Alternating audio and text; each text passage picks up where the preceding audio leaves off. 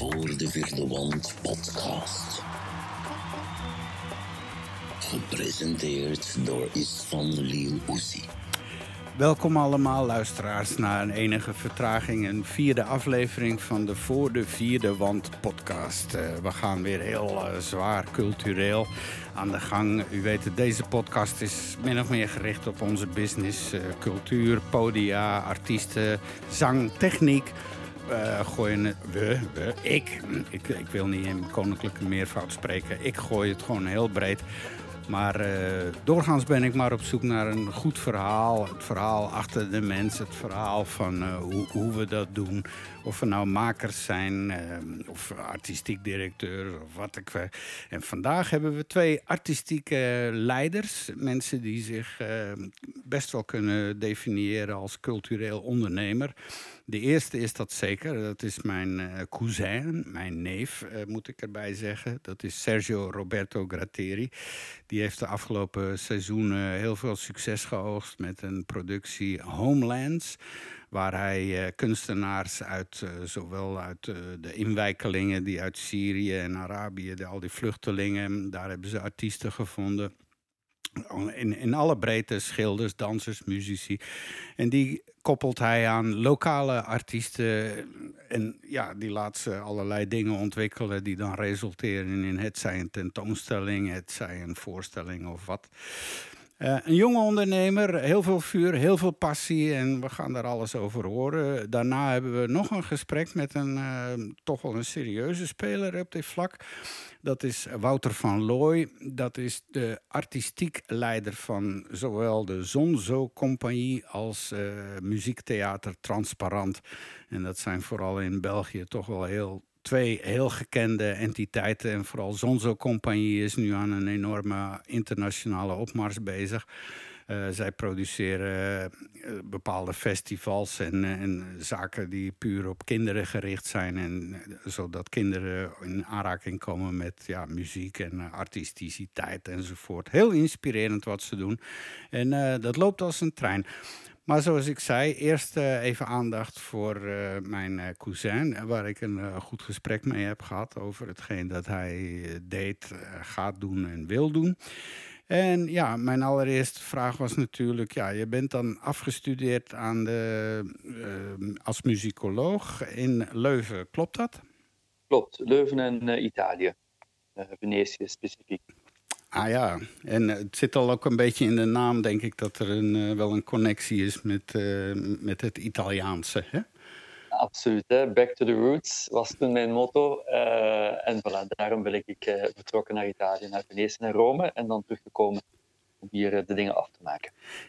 Ah, wel. Uh, dat is natuurlijk een vraag die wel, ik al eens eerder gesteld heb in een heel andere podcast. Dat ging over nature or nurture. Nu, uh, jouw band met Italië, je hebt een Italiaanse vader. Zou je zelf zeggen dat het uh, eerder de nurture of de nature? Zit het in je DNA of zit het in je ziel? Oh, dat is een hele goede vraag. ja, ik ben net terug uit Italië, nogmaals, waar ik ook heel toevallig langs het stadje Gratteri ben gereden, wat mijn naam dus is, in Sicilië. Um, uh, het zit wel degelijk in mijn ziel. Toch wel, ja. Ik, eh, dat, ik word daar bijna weemoedig van en tegelijkertijd heel gelukkig als ik in dat land ben. Maar ik ben wel degelijk opgegroeid in, uh, in Vlaanderen en dat voel ik ook heel sterk. En daarom dat ik ook wel moeite zou hebben om er nog te leven. Maar op vakantie ga ik nog heel graag naartoe. Mm -hmm. En zou je zeggen dat, dat, uh, dat die ziel ook uh, tot uiting komt in de projecten die je doet? Daar gaan we het zo meteen over hebben. Maar... Ja, toch wel. Um, ik, ik, weet niet juist hoe, maar, maar het, het extreme, hè, in, in, emoties, ik hou van extreme emoties. Ik denk dat dat heel typisch Zuid-Italiaans is. Uh, probeer projecten op te starten die zeer empathisch zijn ik kon niet zeggen dat Vlaamse projecten niet empathisch kunnen zijn, maar het is wel zeker uh, het geval bij, uh, bij uh, Italië. dus ja, ik denk wel dat dat twee belangrijke aspecten zijn van die Italiaanse cultuur. En vooral die, die, ja, het, het, het, het groepsgevoel, maar eerder het, het proberen connecteren met, met mensen op een zeer emotionele en eerder dan een cerebrale manier, meer op een ja, lichamelijke, emotionele manier. Ik denk toch wel dat dat heel. Ik, bedoel, ik hoef daar zelfs niet van naar Italië te gaan. De mhm. Italiaanse familie die in België zit, die zijn daar een heel mooie theatrale, theatraal voorbeeld van. Oké, ja, dus uh, meer een romanticus, uh, misschien zit meer van een romanticus in je misschien. Ja, toch wel. Ik probeer toch in, in de dingen die ik maak, probeer ik toch wel uh, emoties te vertolken die, die direct aanspreken bij iedereen, los van de achtergrond. Ik vind dat heel belangrijk om, om toegankelijke kunst te maken. Um, en daarom, ik denk dat dat heeft wel degelijk te maken met, de, met die roots uh, en vooral met, met de omgeving waarin ik ben opgegroeid. Uh, en ik denk ook doorheen muzikologie werd dat een beetje afgeleerd. Hè. Daar moet je wel meer cerebraal zijn. Maar ik heb daar een beetje een soort van tegenbeweging uh, ja, tegen gereageerd en zei van, van, kijk, mijn doel is om, om dat te maken wat, wat iedereen kan raken op een viscerale manier. Oké. Nou, laten we eens kijken hoe, hoe de student een maker is geworden. Jij bent na je studies uh, gaan werken bij het Bozara, als ik het goed heb. Ja, daar zat nog wel van alles tussen. Uh, ook weer in Italië, dus in de culturele sector gaan werken voor muzikale ensembles. Uh, dan eigenlijk een beetje gerold binnen de, in de wereld van de muziekeducatie. Ehm, en dan inderdaad als uh, hoofd van audience engagement specifiek dan voor muzikale en transversale tra eh, trajecten in Bozar uh, lang gezeten, ja, lang, lang vijf jaar. Um, en dan inderdaad daar na vijf jaar vertrokken. en dan volledig mij gaan ja, toespitsen op, op, eigen, op eigen voorstellingen, op eigen projecten. Weliswaar heel vaak nog altijd met een, een grote voordeel voor alles dat sociocultureel is. En, Weet je, de, de vraag is altijd van uh, wat zijn de uitdagingen in onze maatschappij? Hoe kan kunst, als volgende vraag, hoe kan kunst erop een antwoord zijn? En op basis van, van uh, die reflectie een, een voorstelling of een project, uh, een interdisciplinair project maken. Dat is een beetje mijn motto en mijn manier van werken post-Bosda. Ja, ja. En wat heb je geleerd, zowel positief als negatief in die Bozar-periode. Want ik heb ook zo vaak eh, bepaalde jobs gehad... En waarbij je dan ook dingen ziet waarvan je denkt... oeh, dat doe ik zeker niet. Dus wat is positief en wat is negatief geweest? Goh, uh, positief. Ik, ik begin graag met het positieve. Uh, de ongelooflijke kracht van kunst. Um, zelfs op een manier... Wel, ik, ik ben er mijn, mijn overtuiging tijdens mijn jaren in Bozar was dat ik werkte voornamelijk met klassieke muziek. En zelfs de grote, uh, de mensen die zeiden van ik moet daar niks van hebben, daar was ik altijd van overtuigd dat ik zelfs de hele muziekgeschiedenis van een paar honderd jaar oud, dat ik daar zeker wel al eens maar drie minuten zou vinden die zelfs de grootste non-believer tot tranen toe zou kunnen bewegen. Okay. en dat heb ik ook kunnen merken dat dat effectief zo is. Soms uh, een beetje uh, onverwacht werden mensen gepakt. Uh, maar ik, ik, geloof er heel sterk in wat dat, wat dat deed. Hè. Zeker de projecten die ik heb kunnen doen. Onder andere een groot uh, zangproject, Singing Brussels. Wat ik op poten heb kunnen zetten. Wat daar de, de mentale impact was ehm, op grote groepen mensen. waarvan een groot deel zei van ik heb niks met kunst. Of dat is niks voor mij. Of ik kan niet zingen. ja, dat heeft mij toch echt wel doen beseffen van ja, daar moet ik mee verder. Dat heeft een ongelooflijke kracht. Okay. Uh, dus dat is het positieve. Het negatieve. Ik, ik geloof heel. Ik vind het heel vreemd om, om voor een, een instituut te werken. Kunst is een zeer. Um, moet ik zeggen, een zeer dynamische vorm. Uh, dat zit vol creatie. Als je kunstenaar bent, dan, dan creëer je. Uh, dat, zit, is, dat is een kunst ook totaal in beweging. Hè, dus je hebt continu nieuwe visies erop. Om dat dan te institutionaliseren uh, en letterlijk mensen te doen werken in een bedrijfscultuur. ik vind dat daar zit een contradictie in voor mij. Dus je krijgt een soort van fabriek van de kunst. Ja. en dat, dat, daar, daar wringt het. En dat is ook een van de redenen waarom dat ik zelf ben vertrokken om terug op een meer vrije manier aan kunst, kunstreflectie en kunstproductie te kunnen ja, ja, dat is natuurlijk wel dubbel. Want tegelijkertijd ben je dan ook wel weer als maker uh, afhankelijk van die instituten om, om jouw werk te, te boeken. Hè? En, en een van de opmerkingen die me wel aansprak, uh, of tenminste die me toch wel pakte ergens op Facebook, zei iemand dat ja, al de mensen die werken voor die uh, instituten, al dat personeel enzovoort, dat zijn allemaal vastbetaalde mensen met uh, redelijk goede jobs. Terwijl degenen die daar optreden, zijn mensen die heel hun leven balanceren op het randje van het ondernemerschap en, enzovoort. Buiten de top gesproken is er natuurlijk een hele grote onderlaag van artiesten die het altijd al een beetje moeilijk hebben gehad en hard moesten werken. Uh, Klopt. Uh, het klopt volledig. En, en, ik denk dat dat, ja, uh, enerzijds, uh, het, het, is een beetje een pervers systeem, maar tegelijkertijd, uh, door die instituten, geeft, die geven natuurlijk ook wel een platform aan die mensen die daar zo op dat regeltje staan te dansen. Maar ik merk ook wel, het is niet allemaal kommer en kwel, dat meer en meer instituties daar zich heel bewust van zijn. Hè. Dus ook wel proberen zelfs, hè, om, om bijvoorbeeld even van Bozar, uh, tijdens de coronacrisis uh, om dan toch mensen te, uh, te programmeren en ze daar ook voor te betalen, zelfs ook al was het online, dat er dan een beweging was dat die heel veel mensen, heel veel artiesten online die iets doen, maar dan kosteloos. Mm -hmm. Oké, okay, dat is natuurlijk misschien een, een, een pleister op een houten been, um, maar ja, je hebt daar volledig gelijk in. en daar moet zeker nog keihard aan gewerkt worden. er zit een discrepantie in uh, maar ook een soort van schuldgevoel dat ik, uh, dat ik voel dat dat groeit bij die instituties. Of, uh, het gevoel van, kijk, dit moet anders.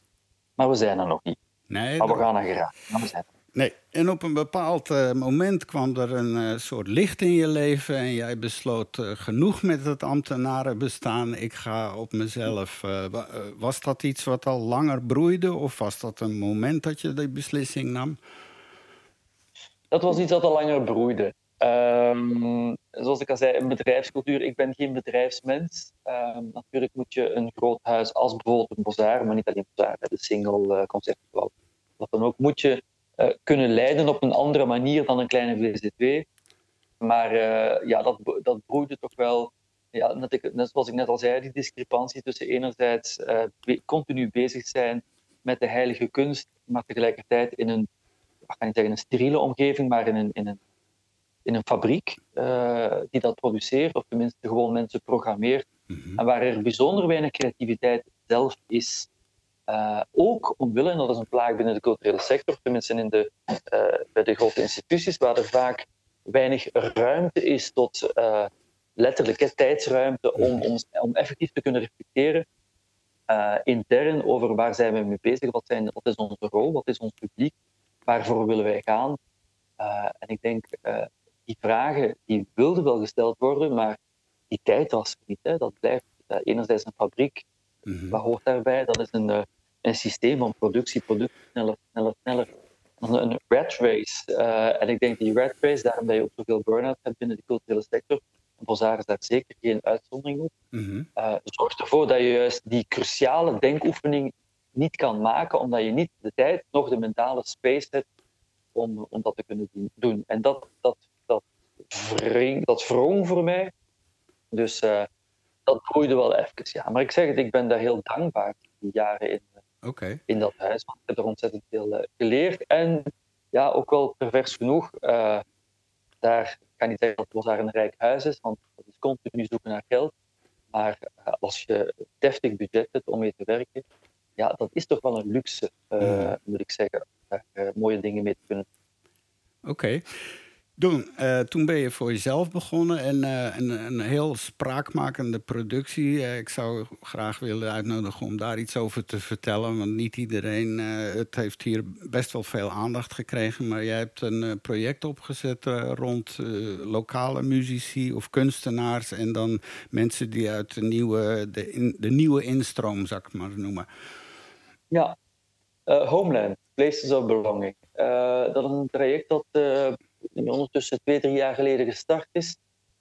Uh, het project is uh, succesvol omdat het zo simpel is om uit te leggen. Namelijk, het is een project waar dat we een aantal nieuwkomer kunstenaars, inderdaad van verschillende disciplines, uh, samenzetten met een aantal culturele instellingen. En gedurende een periode van een aantal maanden gaan zij samen aan de slag met een lokale bevolking, een bevolkingsgroep, een lokale bewonersgroep. Mensen in vrije tijd, uh, schoolgaande jongeren, mensen in psychiatrie. heel, heel verschillende doelgroepen. En daar gaan ze dan mee aan de slag rond een, een co-creatieve artistieke voorstelling. Dus zij maken op een co-creatieve manier, dus met inspraak en voornamelijk heel veel input van de groep zelf, een, een voorstelling interdisciplinair rond een thematiek, namelijk de titel van het project, Homeland Places of Belonging. De vraag is heel simpel, wat betekent het voor mij, mij, wie die mij ook is, hè? elke groepslid antwoordt er anders op.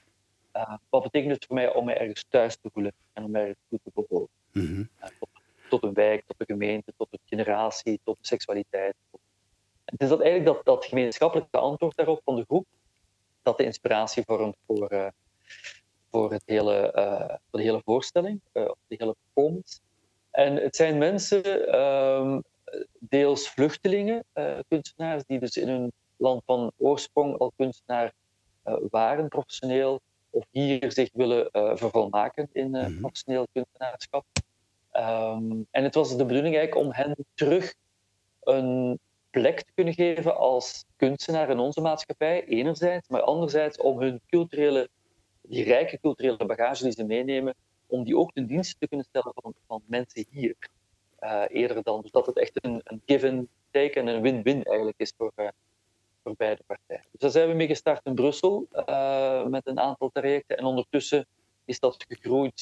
Zitten we in drie steden: Brussel, Antwerpen en Namen, dus op nationaal gebied. En voilà, we zitten nu, we zijn gisteren gestart met het tweede deel na onderbreking, na corona-onderbreking van de tweede editie. En we werken nu aan de derde editie vanaf januari. Oké, okay, en, en welke, hoe maak je het nu corona-proof? Goh, eh, hoe merk je dat coronaproof? Uh, sowieso, eh, het voordeel van het traject is dat als je aan co-creatie wil doen, dan is dat altijd veel beter en gemakkelijker uh, met kleine groepen. Dus sowieso onze groepen van deelnemers waren sowieso beperkter. Uh, zo beperkt dat ze zeer passen binnen de, uh, de maatregelen die, die getroffen zijn binnen de culturele sector. Um, maar we gaan ook, ja, natuurlijk, het is co-creatie, dus we gaan het samen moeten doen. Het gaat hier over dialoog tussen de kunstenaar enerzijds en mensen die vaak ook weer niks met kunst te maken hebben. Uh, en dat is een beetje zoeken hoe dat je op een letterlijke, op een afstand oefeningen kan doen, een proces kan, kan leiden, zonder dat je te veel in elkaars vaarwater zit, letterlijk dan. maar tegelijkertijd toch iets samen kunt maken. En ik denk eh, op dit moment dat valt best wel mee, zeg het, kleine groepen, uh, veiligheidsmaatregelen. Uh, en natuurlijk, ja, we kunnen nog altijd praten en, uh, en maken. Dus ik, ik, ja, op dit moment valt dat best, best wel mee. Ik denk het grote probleem is niet zozeer hoe gaan we dat organiseren, want dat is gewoon een kwestie van een draaiboek hebben en mm -hmm. het probleem is gewoon, en we hebben gisteren, dus tijdens die hele, hele project, hebben we ook vorming. Hè? Dus wij leren echt de verschillende binomen, noemen ze dan. De, kunstenaar samen met de persoon uit de culturele instelling. Die trainen wij in co-creatie. Gedurende intensieve trainingen. En gisteren was de derde en de laatste. En daar hebben we effectief uh, moeten werken uh, op ja, wat heeft dat met ons gedaan, die crisis. En dat is de grotere uitdaging. Uh, want dat heeft wel degelijk een, een impact op de deelnemers, op de kunstenaar zelf. En vooral, uh, ja, hoe ga ik me moeten heruitvinden? Dus ja, ik denk dat dat een, een groter probleem is dan uh, waar zet ik mijn, uh, mijn ontsmettingsshell en, en doe ik mijn handschoenen aan of, of niet. Dus ik denk dat is een grote uitdaging. Ja, ja. Waarom? Hey, tot slot nog een uh, vraag. Denk je nu, uh, omdat er dus een periode is geweest waarbij er vrijwel geen cultuur uh, mogelijk was, geen cultuurbeleving mogelijk was, dat nu de grote massa misschien eindelijk eens in de gaten heeft wat ze missen wat ze gemist hebben. Hè? Dus van, nu weten ze pas hoe. Wat, hè? Ja. Um, ja, uh, ja. ja, want ineens uh, zaten we dag en nacht aan Netflix en YouTube en alles. En we waren helemaal afhankelijk van, van cultuur, al is het maar online en zo. Hè? Want ja, en toen ineens was het van, oh, oh jee. Ja, ik was er in het begin een beetje bang van dat mensen vanuit een soort vrees minder zouden willen gaan naar cultuur hè, in de eerste maanden dat het weer kan. Ik merk eigenlijk al eerst en vooral met de mondmaskerplicht, die wel heel uh, op sommige plekken, uh, onder andere in Brussel, wel heel, uh, ja, heel erg stoot op onbegrip en, en laksheid. dus ik, ik merk ook wel in de cultuur, ik ben nu al naar een paar voorstellingen geweest. ja, ik was fout. gelukkig was ik fout. mensen komen met plezier. En ik moet zeggen, ze zijn zeer gedisciplineerd in het respecteren van de afstanden en zo maar ze komen massaal. Het zit vol. Okay. Dus in die zin uh, merk ik inderdaad wel, we hadden het nodig, we hebben het gemist. Um, uh, dus absoluut. Ik denk dat we nog meer en meer nodig gaan hebben, maar wat we niet mogen vergeten, wij moeten echt die kunstenaars, als ik heel specifiek over mijn project kan, kan spreken, die moeten we echt blijven ondersteunen. Mm -hmm. Omdat, waarom hebben wij zo hard nodig? Omdat als publiek, het geeft ons, kunst geeft ons een, een een frisse blik op wat er in onze maatschappij aan het gebeuren is. En dat hoeft daar niet corona te zijn, dat is gewoon een algemene kritische blik op onze maatschappij. Of als het al geen kritische blik is, een moment van troost, een moment van, uh, van gewoon pure schoonheid. Uh, en dat is gewoon cruciaal om, om juist ervoor te zorgen dat wij niet een harde maatschappij worden of een individualistische maatschappij. En die corona heeft daar nu net uh, ja, daar net uh, in geholpen uh, op een negatieve manier om juist uh, op ons eigen eilandje te blijven leven. Dus ik denk dat het heel belangrijk is dat we daarop blijven inzetten, maar tegelijkertijd moeten we echt serieus, wij als, organisa als, organisaties, maar ook politiek, blijven inzetten op die, om die kunstenaars hun job goed te kunnen laten doen. Mm -hmm. heel concreet naar mijn project COVID heeft een gigantische impact gehad op een aantal kunstenaars, mentaal, uh, hoe Zeker. hou je die blik open? Want zij gaan juist die blik moeten kunnen, uh, kunnen bieden aan, aan, aan het publiek. Maar hoe zorg je ervoor dat zij zelf genoeg mental space, mental uh, rust, mentale rust hebben om te kunnen maken, mm -hmm. zonder dat ze in angst moeten, moeten leven? want wij hebben hen echt gigantisch hard nodig. Dus ik denk dat dat ook een beetje een vraag is van hoe kunnen we hen wat meer pamperen, zodat die blik echt open blijft. Om maar één voorbeeld te geven, dat is natuurlijk verschrikkelijk. Maar een artiest uit mijn omgeving, een zeer getalenteerde artiest, door de hele crisis heeft hij zichzelf zo hard in vraag gesteld als kunstenaar dat hij besloten heeft om een ander leven te beginnen. ik vind dat een hele jammere zaak. Ja, ja, er is dus sprake van een soort uitstroom, hè? ook bij, bij technici en zo. Mensen die nu ineens hamburgers staan te bakken. Ja, en dat is pervers. Enerzijds hebben ze nu net bijzonder hard nodig en tegelijkertijd uh, vallen ze uit. Uh, dus ik denk dat dat iets, waar we de, iets is waar we de volgende maanden aan moeten werken. Enerzijds en anderzijds, ja, ik zou het ook wel positief willen zien. Hè. We hebben gigantisch veel geleerd uit die crisis. We zijn nog altijd aan het leren, want het is nog altijd niet voorbij. Nee, nee. Ehm, maar ik denk, we hebben ook al gemerkt wat belangrijk is voor ons. Ja tijdens die, deze, deze maanden. Hè, familie, verbinding. Um, en ik denk dat we daar ook binnen de, binnen cultuurproductie verder aan de slag te, te gaan om, om daar verder op in te zetten. Van kijk, we hebben die verbinding nodig. Laat ons daar door, door geïnspireerd worden. Dat is een beetje mijn, mijn pleit, dat we die, die open mindset blijven behouden. Die hebben we echt Dit is de Voor de Vierde Wand podcast. Dat was uh, Sergio Roberto Gratteri, een uh, jonge cultuurondernemer. Een beetje excuses voor de slechte kwaliteit. Soms is uh, Skype of WhatsApp niet echt je vriend als je dit doet. Maar ik hoop dat het meest in elk geval een beetje goed is doorgekomen. Dan hebben we nog een goed gesprek met een toch wel een grotere speler. zonder de eerste te willen denigreren. Maar ja, deze man die we nu gaan horen, die is ook al heel wat langer bezig. Het is Wouter van Looy. Hij is artistiek leider van zowel de Zonzo Compagnie die zich voornamelijk op kinderen richt met allerlei muzikale projecten om muziek en verbazing enzovoort bij de kinderen te brengen. Dat is uiterst succesvol. Die groeien als een weet ik veel wat. En daarnaast is hij dan ook nog artistiek leider van uh, muziektheater Transparant, een andere nogal toonaangevend gezelschap. Die uh, ook wel heel internationaal uh, intensief actief is met echt vernieuwende zaken enzovoort.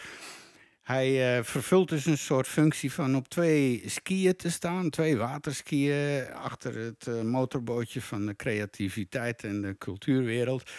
En ik vraag me zo af, volgens mij heb je een heel druk bestaan, Wouter. Ja, het wordt gezegd. Uh, um, uh, ja, het is een druk bestaan, zeker. Um, het is een beetje stiller geweest natuurlijk de voorbije maanden, maar nu begint het allemaal wel weer terug op gang te komen. Um, we reizen weer, we gaan weer op tournee, we creëren weer, er loopt van alles. dus ja, het, het leven gaat door, lijkt het toch. Ja, zeker. er is geen dal waar we niet toch ooit weer uitgekropen zijn, werd al eerder gezegd. Um, nu, uh, je staat artistiek aan de leiding van twee nogal verschillende organisaties. Of uh, is er toch meer wat op elkaar lijkt dan wij denken? Uh, nee, voor mij zijn ze heel verschillend. Zonzo Compagnie um, heb ik destijds opgericht omdat ik een hele grote nood voelde om alles wat met muziek en muzikaliteit en klank en klankkunst te maken had. Omdat op een uh, goede manier, op een uh, artistiek sterke manier um, naar een jong publiek toe te brengen. Um, dat is echt altijd de drijfveer geweest. En van daaruit zijn, is dan in de eerste plaats het festival gekomen, dat oorspronkelijk Oorsmeer heette. Um, en ondertussen onder de nieuwe naam Big Bang Festival op een vijftiental plekken in de wereld georganiseerd wordt. Dus het is een verhaal dat ja, nu door veel mensen gedragen wordt, door veel organisaties ook mee ondersteund wordt. En waar dat, en ontzettend veel artiesten ook aan, uh, aan meewerken. En waar dat ook een heel grote uitwisseling is. Um, er zijn ja, naar de toekomst toe ook nog wel wat nieuwe dingen die daar rond uh, mogelijk uh, worden. Enfin, er zijn nieuwe gesprekken ook met een aantal partners in, in, in Basel, onder andere, waar ik net naartoe was, ook in Kopenhagen, Shanghai zit ook aan onze mouw te trekken. Um, dus uh, ja, de, het is een leuk verhaal, vind ik zelf. Um, omdat er een, heel grote vrijheid ook is. Het is ook een nieuw genre. Um, uh, het jeugdtheater bestaat ook al lang, heeft een langere traditie. heeft daardoor ook wel misschien iets meer moeite om zichzelf heruit te vinden. Of om toch nog nieuw te zijn. Mm uh, binnen alles wat met muziek en klankkunst te maken heeft, zijn er nog, ja, er is nog niet zoveel gebeurd op dat vlak. Dus uh, het is nog een soort van onontgonnen uh, terrein. En sinds een paar jaar zitten we ook ja, meer voorstellingen te maken, eigen producties die dan op tournee gaan. En is er ook een, nieuwe, een nieuw format dat we nu het muzieklabyrinth noemen. Dat is een, ja, een klankinstallatieparcours voor kinderen dat we nu ook sinds een ja, acht, negen jaar uh, organiseren op uh, verschillende plekken. Mm-hmm. En dan, ja, Transparant heeft een hele andere ontstaansgeschiedenis. Um, die komt meer vanuit de, de, de, de um, vanuit de, de, operette en de, de, de kameropera aanvankelijk. in de jaren 70, 80 um, is dan in de jaren 90 wat omgebouwd tot een muziektheatergezelschap om ook vanuit een een bedoeling om alles wat er aan uh, vernieuwingen op dat vlak gebeurde binnen het theater, om dat ook de opera- en muziektheaterwereld te laten binnendringen. Um, het is ook in die zin een leuke plek, omdat het een soort van vrijplaats is waar dat heel veel kan geëxperimenteerd ook worden. We hebben geen vast huis. Uh, er is vaak, denk ik, een grote moeilijkheid voor de operahuizen, om, omdat ze natuurlijk ook een groot publiek moeten blijven bedienen en daardoor aan een repertoire vastzitten en ook aan een presentatievorm. Um, dus ja, muziektheater transparant um, groeit meer doorheen ja, de vrijheid, de experimenteerruimte, het uh, inhaken op actuele verhalen, maar ook op uh, uh, artistieke vernieuwing en ook aan jonge makers. Want dat is iets wat, ik, ja, wat aan mij dan vooral aanbelangt binnen Transparant. Is ook de, het, hetgene wat er met, met nieuwe, nieuwe mensen, jonge mensen, jonge zangers ook, jonge makers die met muziektheater aan de haal willen gaan. Dus het zijn twee heel verschillende verhalen. Transparant is veel minder gericht op op kinderen en jongeren. Het heeft een ander doelpubliek en een totaal andere, uh, een ander vertrekpunt. Ja, ja. Nu heb ik net een gesprek gehad met Sergio Gratteri. Dat is een jonge maker, onlangs gestart als zelfbenoemd cultureel ondernemer. Hij heeft dan dat Homelands project gedaan, heel veel succes mee gehad. Maar uh, nu, uh, ja, hij noemt zich dus cultureel ondernemer. En bij jou vraag ik me af van, uh, goh, wanneer gaat het misschien te groot groeien of exploderen? Wanneer, hoe lang kan je nog contact houden met de basis? Wanneer wordt het een soort te groot industrieel iets? Snap je wat ik bedoel? Um, ja, um, goed. Ik denk dat dat... ja, het, we hebben natuurlijk in beide huizen het voordeel dat we geen eh, we, hebben geen zaal, we hebben geen uh, vaste locatie. Dat heeft zijn voordeel en zijn hmm. nadeel natuurlijk. We hebben een meer een nomade bestaan, dus we komen op heel veel plekken. En hebben daardoor ook heel veel gesprekken met lokale organisatoren, kunstenaars, artiesten. Dus ja, en langs de andere kant zijn we natuurlijk wel een bedrijf, want het ding moet wel in gang gehouden worden. Je hebt ook een, op een gegeven moment wel een verantwoordelijkheid ook naar uh, zeker ook naar de artiesten waar dat je voor opkomt, maar ook naar je eigen organisatie en de mensen die daar te werk gesteld zijn. Dus dat is wel een permanent gevecht ook natuurlijk, dat ze dat plaatsvindt, uh, waar dat soms ook uh, ja, de duimschroeven wel worden aangehaald, omdat um, de geldstromen niet altijd even, even makkelijk natuurlijk gaan. Dus daar moet je echt wel hard voor vechten. Dus ja, het is zeker ook een cultureel bedrijf waar dat voor ge, voor geknokt moet worden. Um, en waar dat natuurlijk ook altijd een soort van, natuurlijk een zakelijk verhaal, maar ook een, een artistieke bestaansredenen moet voor, uh, voor hebben en voor uh, uitvinden. Uh, en die actueel ook moet zijn. Ik zit nu net dat je mij belt te kijken naar de beelden die ik binnenkrijg voor mijn volgende voorstelling, die de Maasman heet. En in de single in première zal gaan. Oh. Uh, nee, in Concertgebouw Brugge uh, is, het, uh, is de première. Dat komt daarna naar de single. in april. Waar dat Wim Catrice de beelden voor maakt. De videokunstenaar die daarvoor drie maanden naar Palestina is geweest. En daar in die vluchtelingenkampen heeft gefilmd. Dus ja, de, de realiteit slaat um, ook in het maakproces wel, wel heel hard binnen. Oké. En uh, heb je ook in de laatste periode, de laatste jaren, iets gemerkt van de, dat de politiek wat rechtser is gaan worden? De mensen kiezen wat rechtser, waardoor er ook vaak uh, anders wordt gekeken naar het geld wat aan cultuur wordt uitgegeven. Merken jullie daar wel iets van? Ja, het is niet alleen rechtser, het is ook neoliberaler. Hè? Het is. je merkt, het is een heel merkwaardig verhaal, vind ik, omdat langs de ene kant is er vanuit uh, een bepaalde periode wel heel erg aangedrongen op een professionalisering van de, uh, van de sector. Uh, die natuurlijk ook alleen maar mogelijk is gema gemaakt door, door een investering vanuit, vanuit de overheid. Mm -hmm. maar tegelijkertijd ja, is, is die. Um, is die groei heel, heel moeilijk. Ja, er zijn verschillende mechanismes die natuurlijk spelen. Maar je merkt natuurlijk wel dat dat, hele neoliberale denken van altijd maar meer en beter en uh, actueler en, en sneller, uh, dat dat ook in de, in de sector heeft toegeslaan. En uh, ja, dat die ratrace, die, die is ja, heel, um, heel erg voelbaar, vind ik ook in, in, in onze sector. Voordat je, voordat je weet, zit je daar ook mee, in. Um, er is weinig veiligheid. Hè. Je mag nooit op je lauweren rusten. Je mag nooit eens even een jaar uh, rust uh, nemen om afstand te nemen. Um, om naar de dingen te bekijken. Het moet altijd sneller en harder. Ehm, dus dat is zeker wel, ehm, wel een uitdaging, uitdaging. En ook ja, rechts sowieso.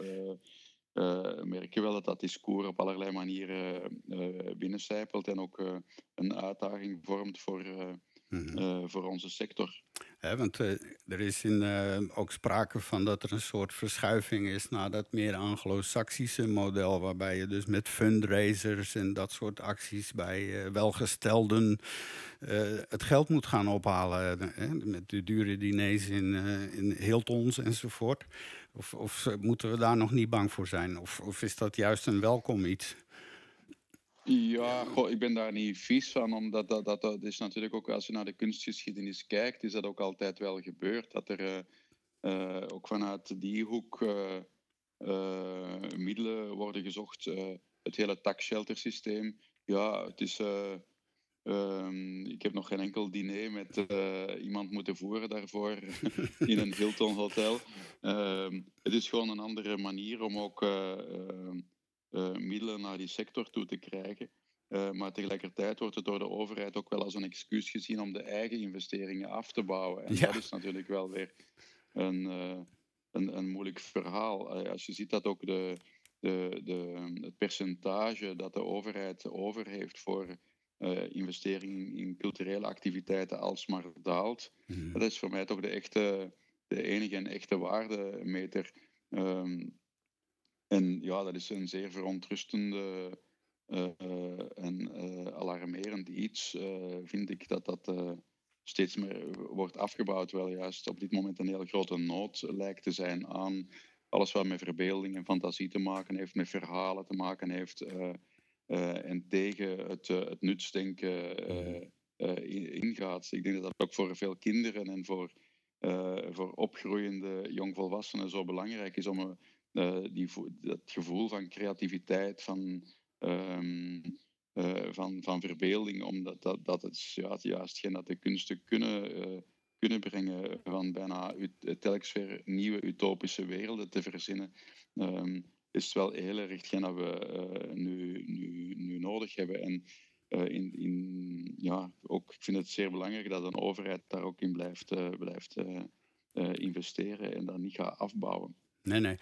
Oké, okay, dan tot slot nog. Uh, ja, je bent een uh, artistiek leider, zeg maar, cum excellis. zo kom je ze toch niet heel veel tegen. Wat, wat heeft een aankomende, wat, is een, wat heeft een artistiek leider nodig? Wat zijn de essentiële skillsets voor een goede?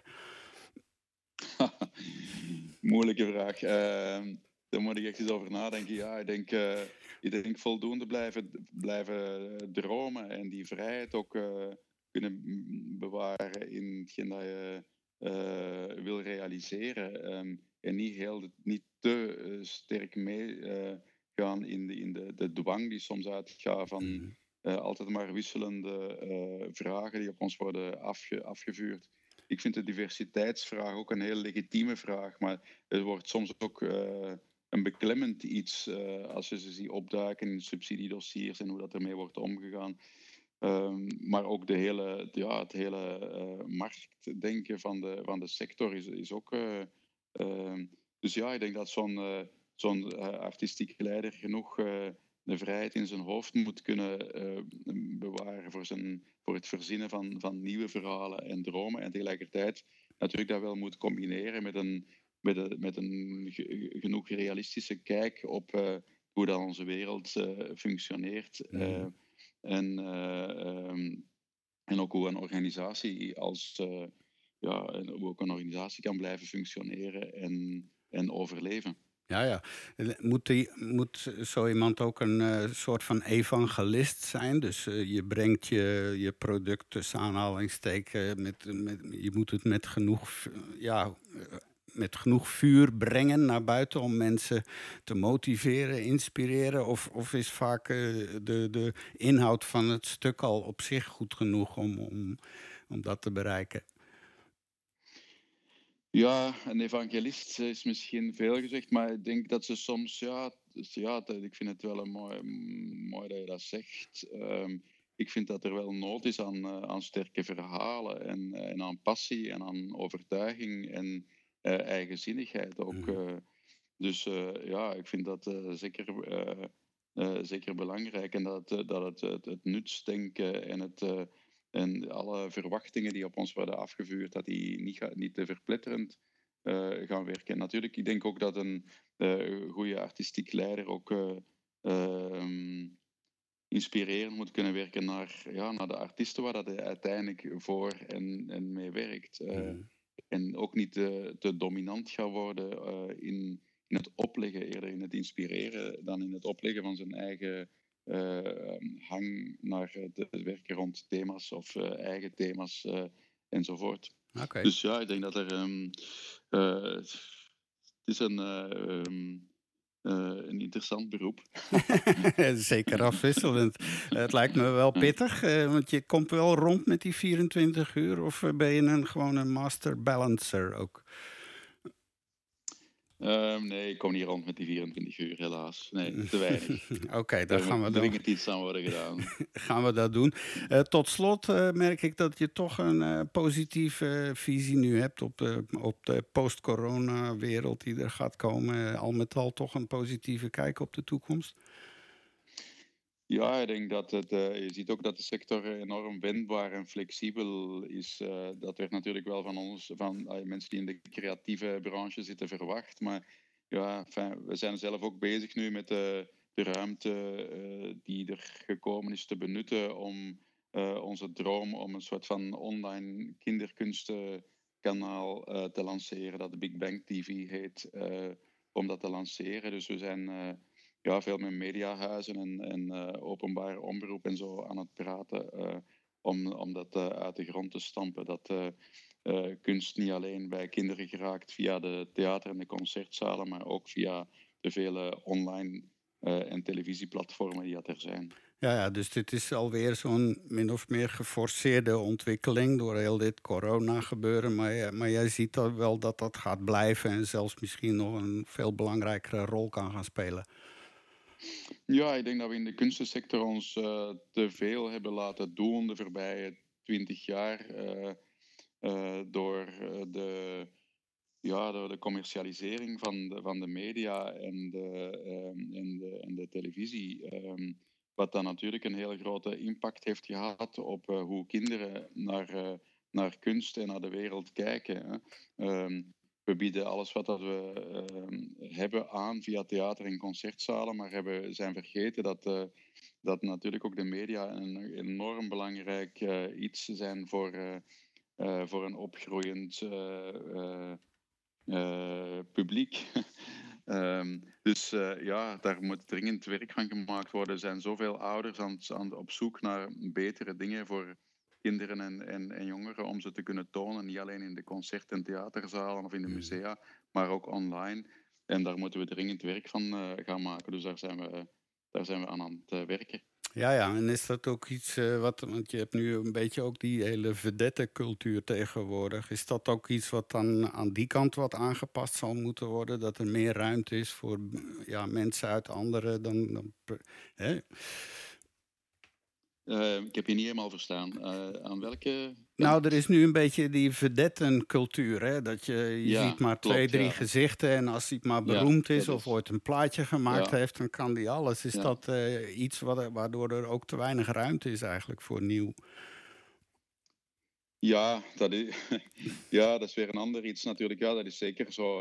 Mm -hmm. Je merkt natuurlijk ook een, door het feit dat die. die die, die marges en die ruimte altijd maar kleiner wordt, gaan heel veel uh, organisatoren ook op safe spelen. Dus als je een grote naam of een bekende naam in je project hebt, dan gaan de deuren open, omdat ze dan een grotere zekerheid hebben uh, om publiek in de zaal te krijgen. Terwijl, ja, ik denk toch het, uh, dat veel organisatoren ook het lef moeten blijven hebben om te verhalen te, te, te vertellen, los van de of de verhalen te willen vertellen, los van de, van de, de, de, de, de mensen die, die er uh, zich achter zetten. Um, en dus uh, ja, in die zin is natuurlijk die samenwerking met de, met de media ook wel van, van heel groot belang, want de, de bekendheid krijg je doorgaans via, via de media en niet hmm. via het, het, het spelen in theaterzalen. Er zijn nog weinig legendes of legendarische figuren die ehm, hun reputatie ehm, opbouwen alleen via de theaterzalen. media spelen een ongelooflijk belangrijke rol en dat mogen we echt niet vergeten. Nee, nee. Oké, dat zullen we ook zeker niet doen. Uh, Wouter, ik dank je heel hartelijk uh, voor dit uh, zaterdagochtendgesprek tussen de koffie en ja. de lunch, zeg maar. En, Dankjewel, Istan. Ik wens je heel veel succes en ik ga eens proberen ja. te doen aan die 24 uur beperking. Hè. Dat ja, graag. Daar reken ik op dat je daar eigenlijk iets aan kan voor helpen. We gaan dat doen. Wouter, hartstikke veel succes met alle ondernemingen. En als je... Ja, Prima, dankjewel. Dit is de Voor de Vierde Wand podcast. Zeker, nou, dat was een uh, zeer leerzaam gesprek, naar mijn bescheiden mening natuurlijk. Uh, ik denk dat dit wel een hele goede portie goede gesprekken was voor je deze week. Uh, volgende week heb ik andere mensen op het oog, ook voornamelijk bezig met techniek en toelevering. En ook daar gebeurt van alles op vlak van vernieuwing en innovatie enzovoort. Dus daar ga je meer van horen. Uh, nogmaals, hartstikke bedankt. Sergio Roberto Gratteri, uh, maker van onder andere de Homelands... en uh, Wouter van Looy, artistiek leider van twee hele grote entiteiten... hier in Vlaanderen en op de wereld langzaamaan ook een wereldspeler aan het worden, wie weet... Uh, we houden de boel weer in de gaten. Mensencultuur ja, komt nog niet zo heel veel in de aandacht. Als ik dat google op de nieuwssites, ja, dan zie ik toch eigenlijk veel te weinig nog uh, dat er over uh, geschreven of gepraat wordt enzovoort. En ja, de politiek die smijt maar af en toe wat zoethoudertjes. een beetje meer mensen, een beetje meer dit. Laten we het proberen positief te houden. En ik zou zeggen, tot de volgende vijfde aflevering weer. We gaan keihard ons best doen. Ja, doe ik het alweer, zeg. Ik ga heel hard mijn best doen om uh, goede mensen voor de, dit, uh, voor de podcast te strikken. En zodat jullie allemaal mee kunnen luisteren en wellicht iets oppikken, iets nuttigs. luisteren is soms ook fijn naar mensen die mee in dit vak zitten. Ik zou zeggen, hartstikke bedankt. ook aan Serge Verstokt voor zijn onafvolgbare stem. En dan aan iedereen die uh, dit nu, project nu gesteund heeft en uh, voor de toekomst ook. Ik dank je wel en ik wens je een hartstikke goede week weer. En tot de volgende. U heeft geluisterd naar de Voor de Vierde Wand podcast. Een productie van de Praattafel Podcast Antwerpen.